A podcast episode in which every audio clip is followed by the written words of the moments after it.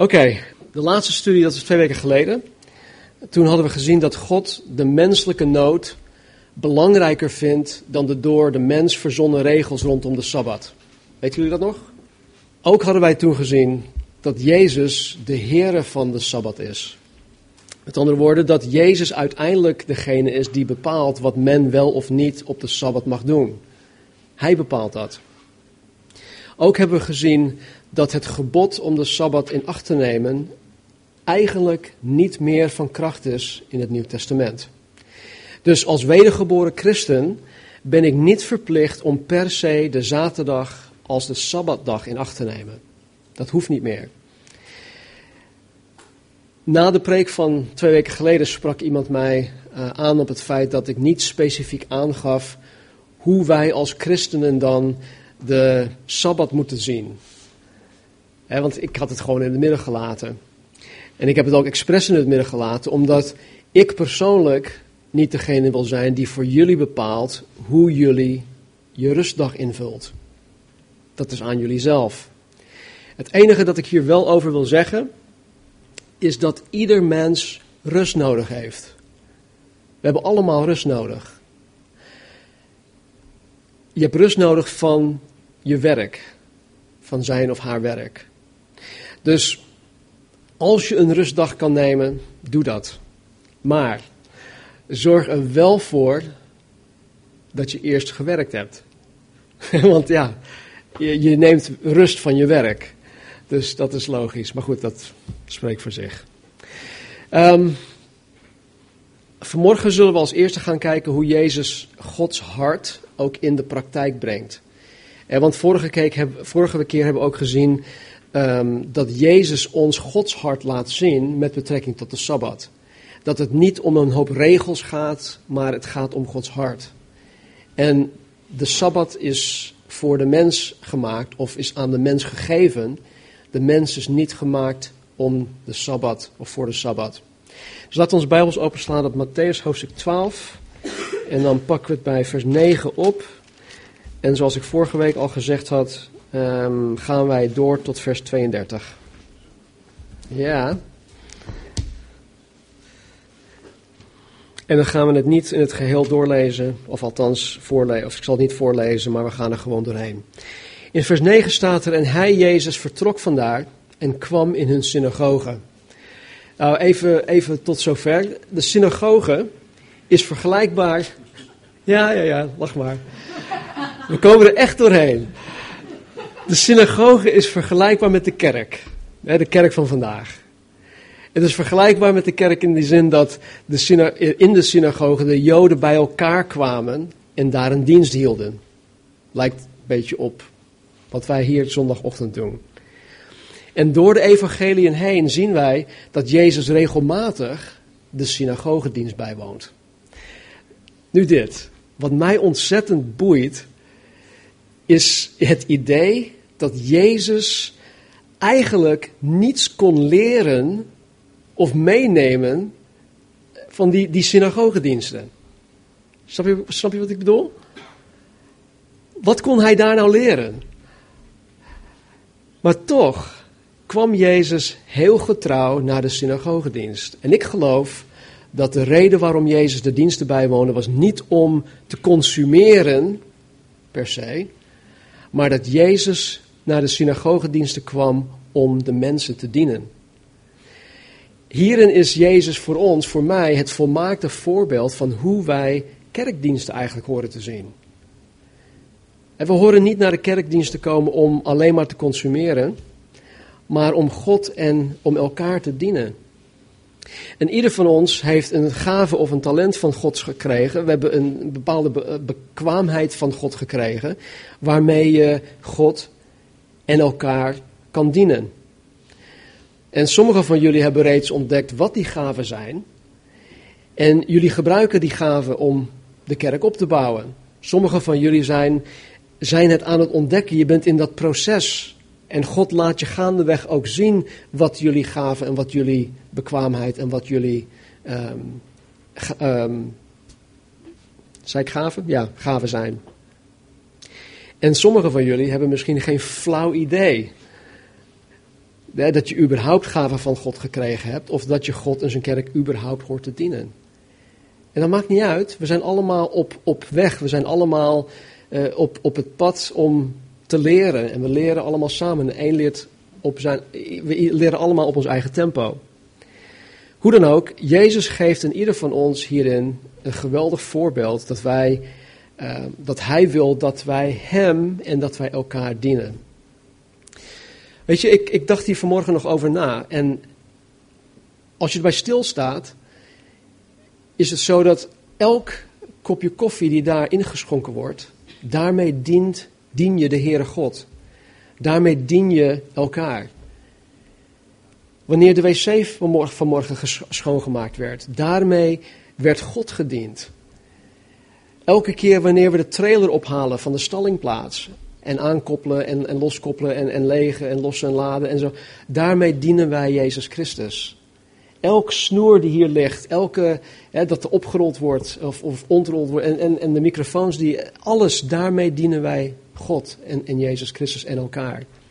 Dus denk niet dat je per se een, een, een voorganger moet zijn of dat je per se een, een speciale uh, geestelijke gave of gift of bekwaamheid moet hebben om God te dienen. Je dient God in het allerkleinste. Je dient elkaar in het allerkleinste. Kijk wat Jezus doet.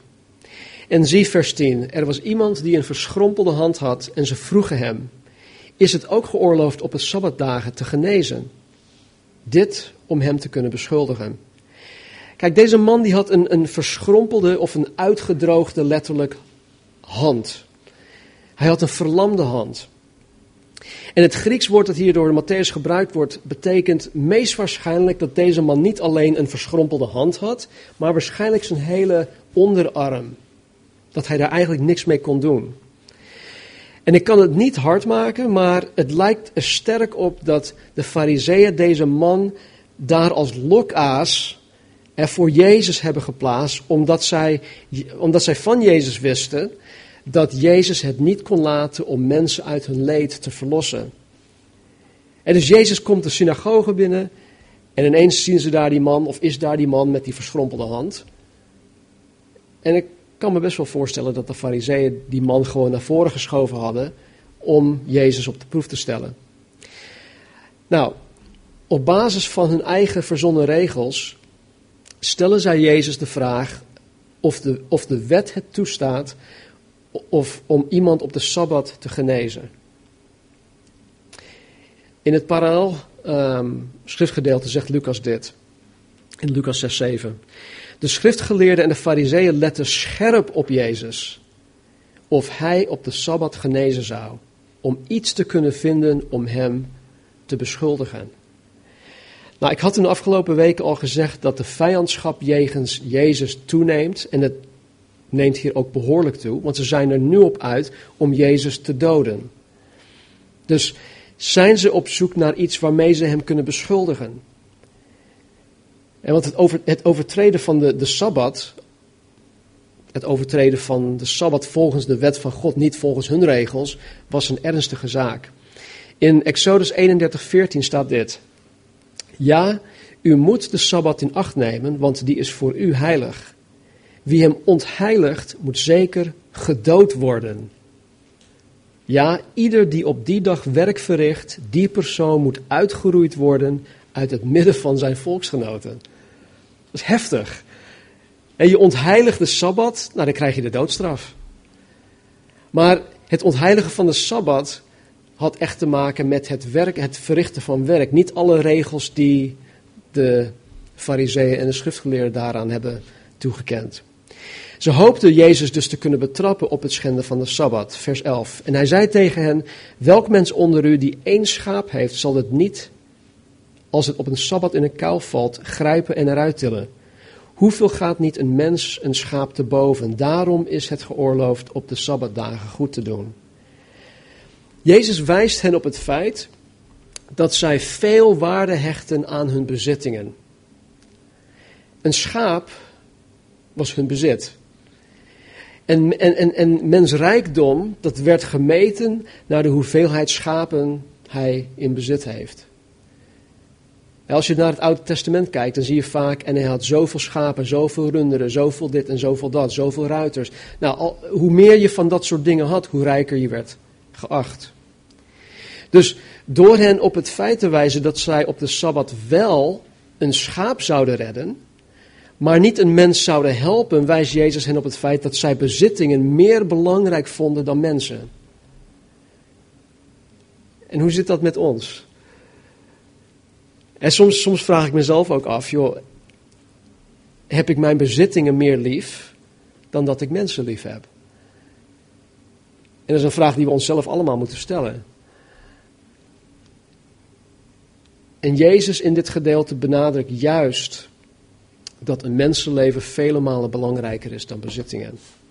En de conclusie die Jezus hier trekt is dat waar het om het welzijn van een mens gaat, dan is het zeker geoorloofd om op de sabbatdagen een mens te genezen.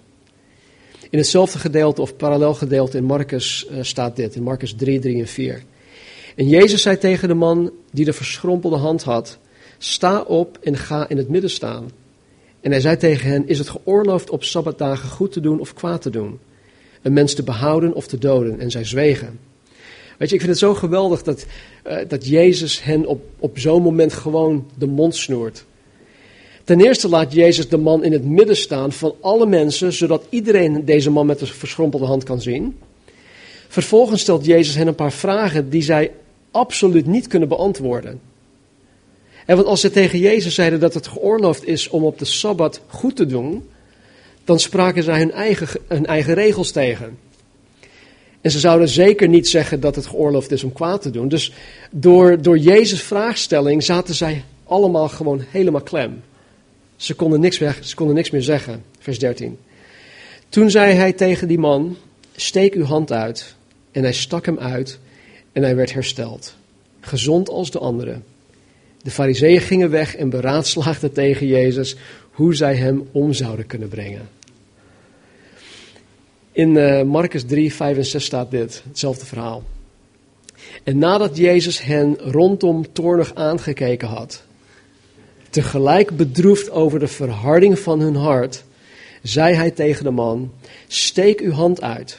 En hij stak hem uit en zijn hand werd hersteld, gezond als de andere. En toen de fariseeën weggegaan waren, beraadslaagden zij meteen met de Herodianen tegen Jezus hoe zij hem om zouden kunnen brengen. weet je wat, wat mij hier opvalt, is dat de man met de verschrompelde hand of arm waarschijnlijk, en dat theologen die, die, die discussiëren daarover, maar die, die kon waarschijnlijk zijn hand niet eens uitsteken. Hebben jullie ooit wel iemand gezien met een verlamde hand of arm? Die, die, dat zit gewoon dichtbij en ze kunnen daar verder niks mee. En het kan zijn dat deze man niet eens in staat was om zijn hand uit te steken. En als dat zo is, dan zit in dit verhaal een hele belangrijke les voor ons. Jezus wil deze man genezen. Of deze, deze persoon, weet niet of het een man is. Maar hij geeft deze, man, deze, deze persoon een onmogelijke opdracht. Om zijn hand uit te steken. Nou, de les hierin is dat op het moment dat God je een onmogelijke opdracht geeft, en dat, daar heeft hij een handje van, maar op het moment dat God je een onmogelijke opdracht geeft, God je ook in staat stelt om die opdracht uit te voeren. Weet je nog, er was ook in Johannes een man die, uh, die verlamd was. En uh, Jezus kwam naar hem toe en hij lag er op zijn bed. was waarschijnlijk zo'n zo'n veldbed of zo. Hij zegt, sta op, neem je bed op en wandel naar huis. Nou, die man die was verlamd, die lag daar op zijn bed. Hoe kan hij nou opstaan? Hoe kan hij überhaupt zijn bed optillen? Dat kon gewoon niet. Maar hij gaf hem een onmogelijke opdracht. En op het moment dat hij die opdracht gaf, gaf God hem ook de kracht om het uit te voeren. Dus als God je iets opdraagt om te doen, en dat is persoonlijk tussen jullie, tussen jou en God. Maar als God je iets opdraagt om te doen, dan maakt het niet uit of het voor jou mogelijk is of onmogelijk is. Of het nu binnen je bekwaamheid ligt of niet. Of het nu leuk is of niet. Of het nu prettig voelt of niet. Want God maakt het voor je mogelijk. God maakt het echt voor je mogelijk. Hij stelt je in staat om het te kunnen doen. Maakt niet uit wat het is. Zo werkt God. Weet je wat, wat mij ook opvalt, is, is hoe ver deze fariseeën willen gaan om Jezus te kunnen doden. Ze gaan heel ver. In Marcus 3,6 staat, staat dat de fariseeën meteen met de Herodianen tegen Jezus beraadslaagden hoe zij Jezus zouden kunnen doden. Nou, deze Herodianen waren invloedrijke Joden. Het waren mensen van, van standing die eigenlijk voor de Griekse gebruiken waren. Die waren voor het Romeins systeem. En in, om die reden waren ze politieke vijanden van de fariseeën. Want deze fariseeën waren streng tegen deze dingen. Maar hier zien wij dat beide partijen bereid waren om hun geschillen opzij te leggen omwille van het doden van Jezus. Om het even heel plat te zeggen, ze gingen met elkaar of ze doken met elkaar in bed om Jezus te, te doden. Vers 15. Maar Jezus wist dat en vertrok vandaar en veel menigte volgde hem en hij genas hen allen. En hij gebood hun streng dat zij niet bekend zouden maken wie hij was. Jezus wist dat de vijandigheid jegens hem sterk aan het toenemen was.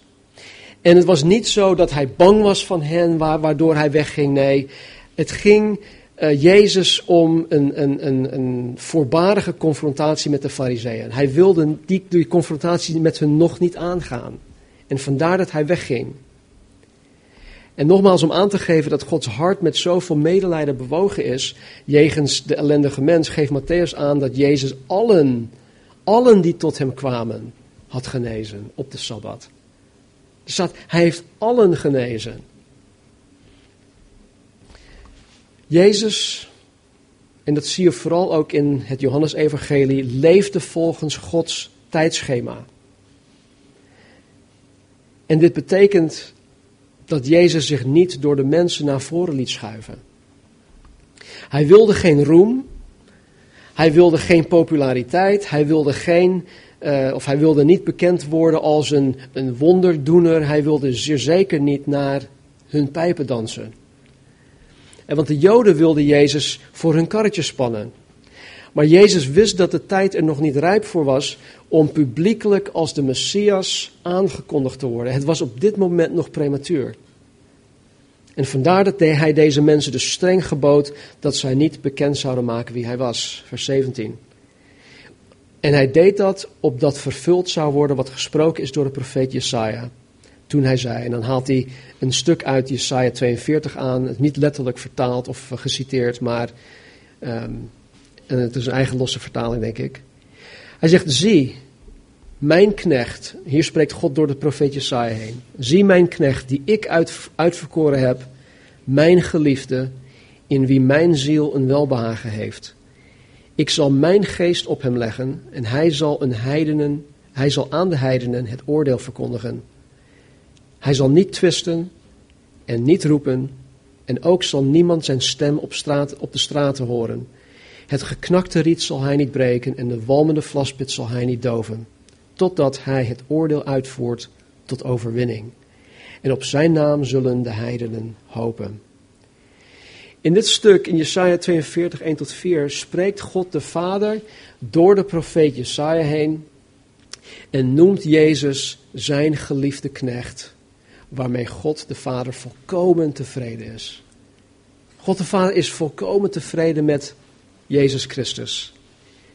Hij heeft absoluut niets op of aan te merken over Jezus. Jezus is in Gods ogen volmaakt. Hij was ook volmaakt. En God zegt hier ook dat Jezus, of dat God Jezus zal dopen, oftewel vervullen met de Heilige Geest. En dat betekent dat alles dat Jezus tijdens zijn bediening hier op aarde gedaan had, dat hij dat in de kracht van de Heilige Geest had gedaan. Weet je, soms denk ik wel eens, of ik had wel eens in het verleden gedacht, nou, natuurlijk kan Jezus al deze dingen doen omdat hij God is. Maar Jezus, natuurlijk was Jezus God, maar hij was ook 100% mens. En vandaar dat hij zijn bediening pas begon na de doop, toen de Heilige Geest op hem kwam. Het was pas nadat hij vervuld, gedoopt of hoe, wat je het ook wil noemen, met de Heilige Geest dat hij zijn bediening begon. Dus alles wat hij deed, dit deed hij als een volmaakt mens onder de kracht van de Heilige Geest. Jezus had nooit het politieke spel gespeeld zoals ja, dat zowel toen als vandaag de dag gespeeld wordt. Hij hield zich niet bezig met een of andere verkiezingscampagne. Eh, hij hield geen debatten, hij trok niet rond met de bedoeling om een, soort van achterband te versterken. Hij riep niet, kijk naar mij, kijk naar mij, kijk wat ik allemaal aan het doen ben. Jezus ging gewoon naar de plaatsen toe waar God hem leidde en, en, en wat hij deed was het woord van God, de waarheid spreken. Riet. Riet, een gekrakte riet. Riet werd destijds voor verschillende doeleinden gebruikt. Vandaag nog steeds. Ik zou ooit een, een huis willen hebben met een rieten dak. Vind ik zo mooi. Maar goed, het werd voor verschillende doeleinden gebruikt. Maar weet je, eenmaal geknakt was het onbruikbaar, het was waardeloos. Dan werd het gebroken en weggegooid. Een herder gebruikte riet bijvoorbeeld om een fluitachtig instrument te maken. En met die fluit, of met dat fluitachtig instrument, uh, kalmeerde hij de schapen. Maar wanneer het riet knakte, kon de herder het niet meer gebruiken. En dus ja, brak hij het en gooide het gewoon weg. En wanneer een olielamp uitgebrand was, was er geen vlam meer aanwezig. Het enige dat overbleef was een walmende vlaspit, hè, een, een wick. Is dat een pit? Dus wanneer dit gebeurde, gaf deze olielamp geen licht meer. En men doofde de, vla, de vlaspit uit en, en die gooide dat gewoon weg. Nou, het geknakte riet en de walmende vlaspit vertegenwoordigen mensen wiens levens gebroken en op zijn. Gebroken en op. Mensen die de wereld liever kwijt dan rijk zijn. Omdat dit soort mensen geen muziek meer kunnen maken en omdat zij geen licht meer af kunnen geven, worden zij door de samenleving als hulpeloze en als ellendige mensen gewoon verworpen. En dit waren in Jezus' tijd de mensen die door de Romeinse, uh, of, ja, Romeinse overheid genegeerd werden. Dit waren de mensen die gewoon ja, in hun ogen nood, nutteloos waren. Maar in de handen van Jezus Christus, in de handen van onze redder, onze verlosser, werd het geknakte riet niet verworpen, maar het werd hersteld, het werd vernieuwd. Zo'n walmende vlaspit, dat is een, iets dat gewoon, ja, uh, smolders, hoe smeult. En zo'n zo'n smeulende vlaspit zal door Jezus nooit gedoofd worden. Maar Jezus zal het vuur aanwakkeren, zodat het in vuur en vlam komt te staan voor Hem. En het is onder andere om deze reden dat alle volkeren, de heidenen, dus niet alleen het Joods volk op Zijn naam zullen gaan hopen. Behalve Amit zijn wij volgens mij allemaal heidenen, niet Joden. Nou, behalve Marnie dan ook. En wij hopen allemaal op de naam van Jezus Christus. Jezus is de lang verwachte Messias voor het Joods volk, maar hij is de hoop, de redder en de verlosser voor alle mensen. Voor alle mensen. Vers 22. Toen werd, er, toen werd er iemand bij hem gebracht die door een demon bezeten was en die blind was en niet kon spreken en hij genas hem, zodat hij die blind was en niet had kunnen spreken, zowel kon spreken als zien. Er waren in de tijd van Jezus en ook zelfs na Jezus dood en opstanding Joodse duivelbezweerders. En we lezen ook over hen in Handelingen hoofdstuk 19, de zeven zonen van Skeva. Er waren Joodse duivelbezweerders die door middel van allerlei bezweringsformules demonen bij mensen probeerden uit te drijven. Wat de zeven zonen van Skeva in, in, in, in Handelingen 19 eh, deden, ze zeiden uh, in de naam van Jezus die Paulus spreekt, uh, drijf, gebied ik je om eruit te komen. En ze zeiden, hallo, Jezus ken ik, Paulus ken ik ook, maar wie zijn jullie? En, en ja, ze werden allemaal flink in elkaar geslagen. Dat ze naakt en schreeuwend het huis uitliepen, zeven, zeven van die gasten. Maar er waren dus deze Joodse duivelbezweerders die door middel van bezweringsformules demonen probeerden uit te drijven. Een van de dingen die voor deze Joodse duivelbezweerders echt noodzakelijk was om een demon uit te kunnen drijven, was, was dat zij de naam van de demon te weten kregen. Weet jullie nog toen Jezus naar uh, het, het, meer Genazaret kwam, of uh, het meer overstak? Hij kwam naar die plaats, uh, Gadarenes, Genazaret. En hij kwam die, die bezetenen tegen. Zeg, wat is je naam? Ja, legioen, want we zijn er velen. We zijn er met z'n velen. Hij, hij sprak, hij gaf, hij gaf antwoord op de vraag van Jezus en hij gaf hem zijn naam. Maar deze, de, deze man, die was stom. Hij kon niet eens praten. Hij was ook blind, hij kon niet zien. Dus op deze manier konden zij, deze bezweerders, de demon, um, ja, ze, konden niet uh, te weten komen wat zijn naam was. En doordat ze dus die naam niet konden, uh, of dat, dat ze niet achter die naam konden komen, ja, waren ze eigenlijk uh, krachteloos tegen deze demon. Althans, op hun manier. Dus in, in, in de ogen van de Joden was deze persoon gewoon um, verloren.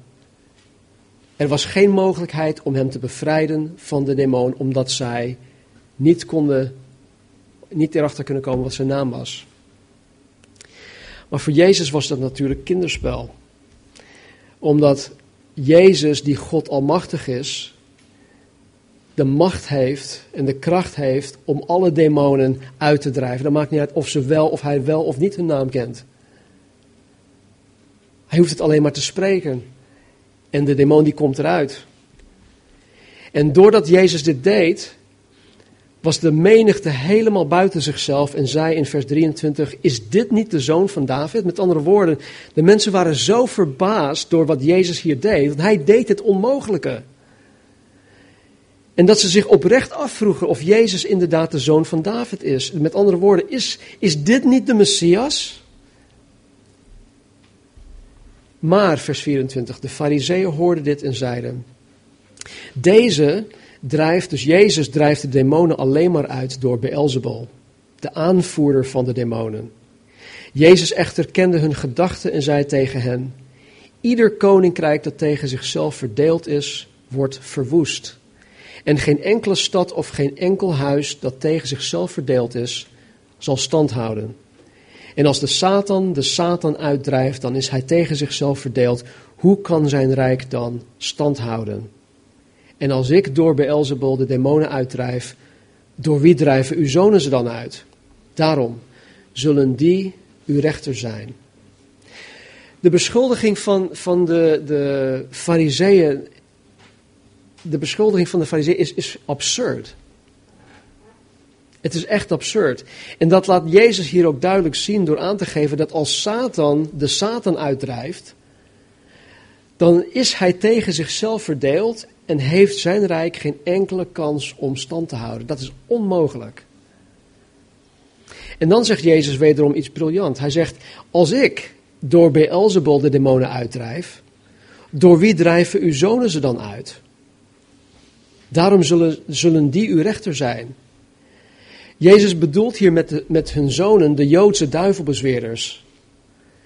En Jezus zegt dat als de fariseeën deze duivelbezweerder zou vragen, door welke macht zij demonen uitdrijven, dan zullen ze te weten komen dat zij, dus de fariseeën, de plank geheel misslaan. Want als de duivelbezweerders zouden zeggen dat zij de demonen uitdrijven door de kracht van Satan, dan zouden zij zichzelf veroordelen. Maar als zij zouden zeggen dat zij de demonen door de kracht van God uitdrijven, dan zouden zij de beschuldiging tegen Jezus er helemaal onderuit halen. Dus hij zegt, laat hen maar oordelen. Laat, laat die duivelbezweerders maar oordelen bij welke kracht ik de demonen uitdrijf. Maar vers 28, als ik door de geest van God de demonen uitdrijf, dan is het koninkrijk van God bij u gekomen. En daarom dat hij ook zei, dat Matthäus ook um, Jesaja 42 citeert. Waarin staat dat God zelf de geest van God op Jezus heeft gelegd. En het is door de geest van God dat Jezus Christus demonen uitdrijft, waardoor het koninkrijk van God gekomen is. Vers 29. Of hoe kan iemand het huis van de sterke binnengaan, in zijn huisraad roven, als hij niet eerst de sterke gebonden heeft? En dan zal, en dan zal hij zijn huis leegroven. Wie niet met mij is, die is tegen mij. Wie niet met mij bijeenbrengt, die drijft uiteen. Jezus noemt de Satan hier de sterke. En zijn huisraad, daar bedoelt Jezus mee, de gevangenen. En je moet je voorstellen, wij willen ergens bij iemand een, leeg, een huis leegroven. Bij Romeo thuis. Nou, wat moeten, we, wat moeten we eerst doen? We moeten Romeo eerst uitschakelen. Hij heeft, oh, hij heeft alarm.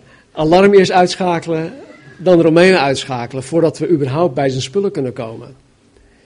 En dat beeld gebruikt Jezus hier ook. En hij zegt, de sterke, dat is de Satan. Zijn huisraad, de dingen in zijn huis, dat zijn de gevangenen. En deze gevangenen zijn niet per se mensen die bezeten zijn. Nee, dit zijn gewoon alle mensen die onder de macht van Satan in ongeloof leven. Ongelovige mensen, mensen die door Satans invloed niet in Jezus Christus geloven.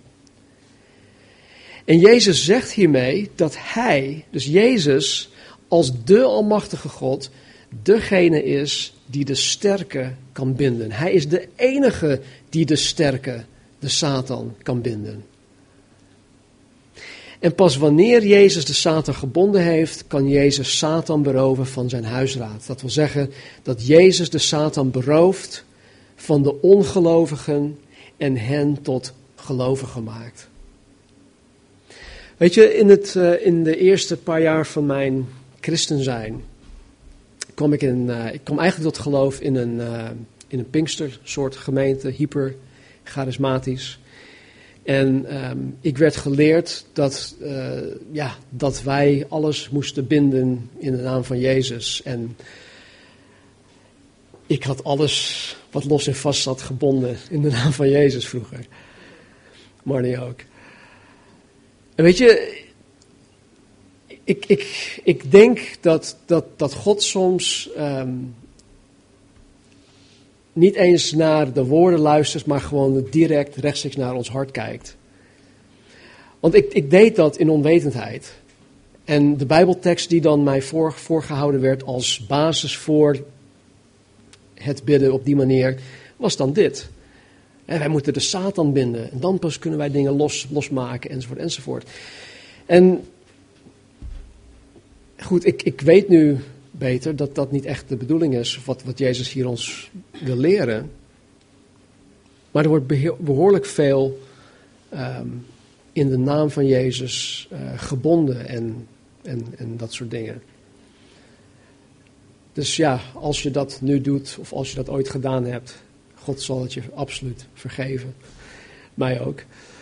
Maar dat is niet wat Jezus hiermee bedoelt. In, Johannes 1, in, in 1 Johannes 5, 19 leert uh, Johannes ons, of de Bijbel ons, dat de hele wereld in de macht van de duivel is. Dat staat er letterlijk. De hele wereld is in de macht van de duivel. Dit betekent heel simpel dat ieder mens, ieder mens die niet wedergeboren is, een gevangene is.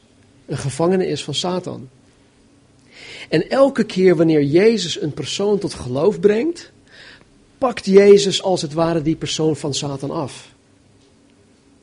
Maar hij moet eerst de Satan binden voordat hij de, eh, het, ehm, de mensen van Jezus af kan pakken. Dus er zijn dingen die gaande zijn om ons heen die wij niet met ons, ons menselijk oog kunnen zien. Er wordt heftig gestreden om, om onze zielen. En als je vandaag niet gelooft, dan wordt er in de hemelse gewesten, in het onzichtbare, wordt er keihard gestreden voor jouw ziel. Jezus wil jou van Satan afpakken om jou zijn eigendom te maken. En Jezus is hier ook heel duidelijk. Hij zegt, wie, wie niet met mij is of wie niet voor mij is, is tegen mij. Weet je, je hoeft niet per se vijandig tegen Jezus te zijn om niet aan zijn kant te staan. Mensen zeggen, ja, ik geloof wel in de historische Jezus, hij is een goede man, hij heeft hele goede dingen gedaan, enzovoort, enzovoort. Dus die mensen geloven in die zin in Jezus. Die zijn helemaal niet vijandig jegens Jezus. Maar Jezus zegt dat als je niet helemaal voor hem bent, dan ben je zonder tegenindicatie tegen Jezus. By default ben je dan tegen Jezus. Wat Jezus betreft kan de mens niet neutraal zijn. Dat is onmogelijk, zegt hij. Ook zegt Jezus dat als je niet samen met Jezus bent, of in samenwerking met Jezus de ongelovigen met het evangelie bereikt, om hen bijeen te brengen in de kudde, dan ben je iemand die uiteendrijft. Je bent of voor Jezus, en dan ben je, ben je met de zaak van Jezus bezig, of je bent tegen Jezus en dan, met je, en dan ben je met de zaak van Satan bezig. Heel zwart-wit. Dat is ook heel radicaal. Vers 31, nu komt het. Daarom zeg ik u, alle zonde en lastering zal de mensen vergeven worden, maar de lastering tegen de geest zal de mensen niet vergeven worden.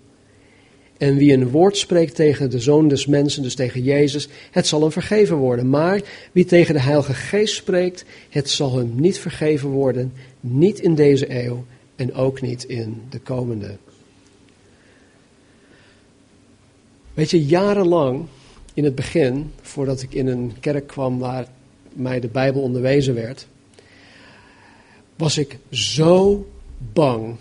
Ik was echt doodsbang dat ik deze onvergeeflijke zonde ben begaan. Ik had zelfs slapeloze nachten. O Heer, ik heb dat gedaan. Ik heb tegen uw Heilige Geest gesproken. Ik heb de Heilige Geest gelasterd. Nu is er mee, geen, geen redding meer voor mij mogelijk. Nu ga ik naar de hel. Al, al, al heb ik berouw, al bid ik u om vergeving. Het is nu over voor mij. Jezus zegt hier heel duidelijk dat er één specifieke zonde is die God nooit zal vergeven. Nou, dat lijkt heel tegenstrijdig, want ik heb zeven jaar lang bijna hier gestaan en ik heb zeven jaar lang tegen jullie gezegd dat God al jullie zonden zal vergeven. Van het verleden, van het heden en de toekomst. Maar hier zegt Jezus dat er één specifieke zonde is die God nooit zal vergeven. En Jezus noemt deze zonde lasteren tegen de Heilige Geest. Bij de doop van Jezus kwam de Heilige Geest op Jezus. En we hebben net in vers 18 gelezen dat God zijn geest op Jezus gelegd had. De Heilige Geest is degene die van Jezus getuigt dat Jezus de Messias is, dat Jezus de Christus is. Alle dingen die Jezus hier op aarde in drie jaar tijd had gedaan, die werden gedaan door de kracht van de Heilige Geest. En de Heilige Geest getuigde en overtuigde de mensen, ja, Jezus, Hij is de Messias. In Johannes 15, 26 zegt Jezus dit. Hij zegt, wanneer de trooster is gekomen, die ik u zenden zal van de Vader, de geest van de waarheid, die van de Vader uitgaat, dat is de Heilige Geest, zal die van mij getuigen. Dus Jezus zegt in Johannes 15, de Heilige Geest die komt van de Vader, die zal van mij getuigen. Hij leert ons hier dus dat de primaire taak van de Heilige Geest is om van Jezus te getuigen. Hij getuigt niet van zichzelf. Jezus getuigde altijd van de Vader. De God de Vader dit, God de Vader dat. De Heilige Geest die wijst ons altijd naar Jezus toe. Hij getuigt nooit van zichzelf. De Heilige Geest getuigt van Jezus. Met andere woorden, de Heilige Geest is degene die de mens ervan overtuigt dat Jezus de weg, de waarheid en het leven is. Dat is het werk van de Heilige Geest. De Heilige Geest is degene die de mens naar Jezus toetrekt. En de Heilige Geest is degene die de mens van zonde overtuigt. De Heilige Geest is degene die, uh, ja, die, die mij overtuigt, die de mens overtuigt dat, dat wij Jezus nodig hebben om van onze zonde vergeven te worden.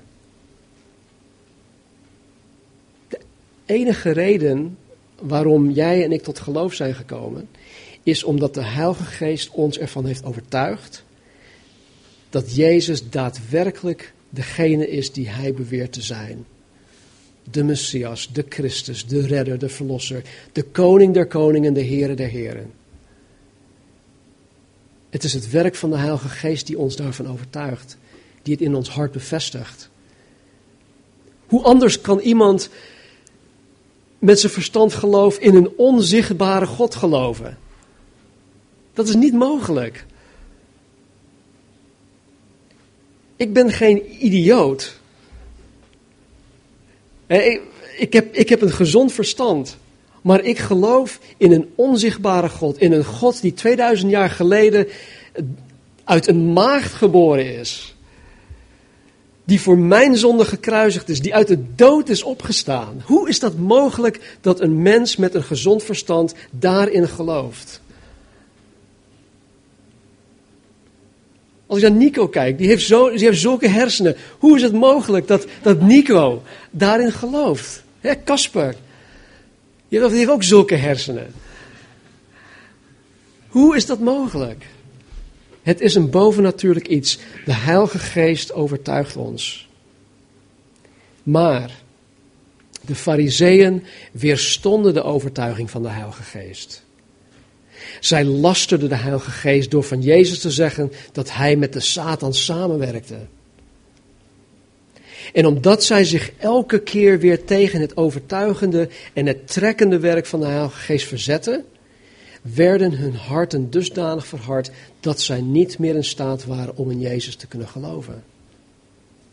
Het is zo triest. In Johannes 12, 39 zegt Jezus dat zij niet konden geloven. Ze konden het niet meer. En weet je, de Heilige Geest werkt vandaag de dag nog steeds op deze manier. En elke keer wanneer je jezelf tegen de Heilige Geest verzet, dan verhard je je hart tegen Hem. Elke keer als je het evangelie hoort, elke keer als iemand met je over God spreekt, of, of het woord van God met je deelt, elke keer als God tot je spreekt en als je dat negeert, dan wordt je hart iets harder, elke keer weer. En het gevaar is, is dat je net als deze fariseeën je hart dusdanig verhardt dat je niet meer kan geloven.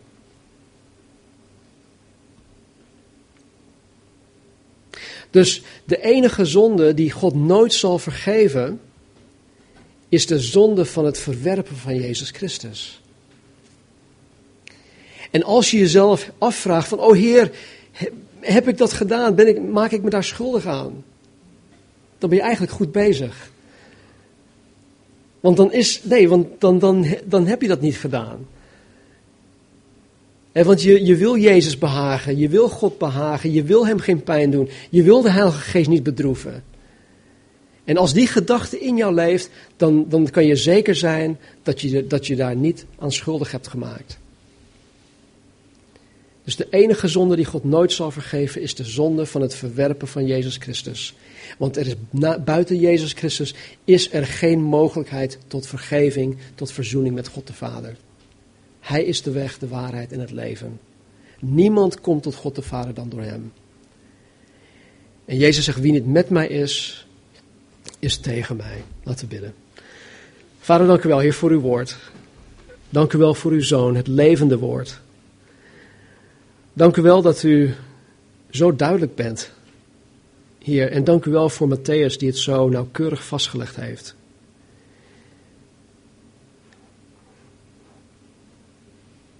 Heer, misschien zijn er onder ons sommigen die tegen uw Heilige Geest gelasterd hebben die nu nog steeds misschien tegen u schoppen. Heer, vergeef het hen. O Vader, ik bid zo dat u hun harten niet zal laten verharden, Heer, tot het punt waarop deze fariseeën zijn gekomen. dat zij niet meer konden geloven. Heer, verzacht de harten van morgen. Verzacht de harten, heren, die niet onderworpen zijn aan, u, aan uw koningschap, aan uw heerschappij. Die u, Jezus, niet navolgen.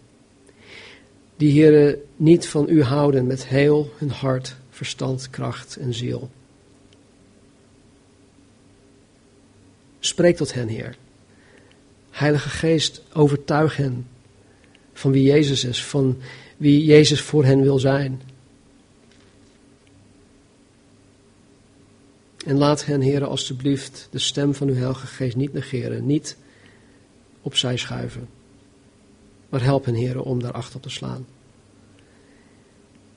En heren, voor ons, heren, het is zo'n zo'n oh, opluchting. Het is zo geruststellend dat wij die in Jezus Christus zijn, heren, die wij zullen voor eeuwig in Christus zijn. En zoals u, Jezus, ook zegt dat degene die de Vader u hebt gegeven, Heren, dat niemand ons uit uw hand kan, kan nemen. Heren, we zijn verzegeld met de Heilige Geest. We zijn uw eigendom, we behoren u toe. En niets, maar dan ook niets, kan ons van u wegnemen. Dus Heer, dank u wel voor die zekerheid. Dank u wel, Heer, dat u zo ver bent gegaan. Heer, om ja, met al deze fariseeën en schriftgeleerden en heren met zoveel tegenstand, Heer. Dat u gewoon door bent gegaan, dat u heeft volhard daarin. Heer, omwille van mij, om mijn ziel te redden, om ons te redden, Heer. Dank u wel daarvoor. Heer, laat uw woord, dat u 2000 jaar geleden aan ons hebt gegeven, luid en duidelijk klinken, Heer. Hier, vandaag, hier anno 2013, als we zometeen ook de, de feestdagen ingaan met het vieren van kerst. Heer, wanneer mensen toch iets meer gevoelig zijn voor geestelijke zaken. Help ons, heren, om daarop in te spelen. Help ons, heren, om mensen te, te trachten te bereiken. Geef ons, heren, de divine appointments die we nodig hebben. Leid ons. En dank u wel voor uw Heilige Geest, die tot ons gesproken heeft, die ons overtuigd heeft dat Jezus Christus daadwerkelijk is wie Hij beweert te zijn. En dank u wel dat u onze harten, onze ogen, ons verstand hebt geopend voor de waarheid. Heer, help ons vandaag. Help ons vandaag, help ons morgen, overmorgen, Heer, deze, de rest van de week. Heer, om, om u na te volgen. Waar wij nagelaten hebben, Heer, om uw woord te lezen, tot ons te nemen. Vergeef het ons en help ons, Heer, om dat vandaag gewoon op te pakken. Waar we nagelaten hebben, Heer, om elkaar lief te hebben zoals u ons lief heeft. Vergeef het ons en help ons, Heer, om het vandaag gewoon met een schone lei, Heer, op te pakken. Dus help ons, zegen ons en openbaar uw woord en uw wegen en uw wijsheid, Heer, tot een ieder van ons. In Jezus' naam. Amen. Amen.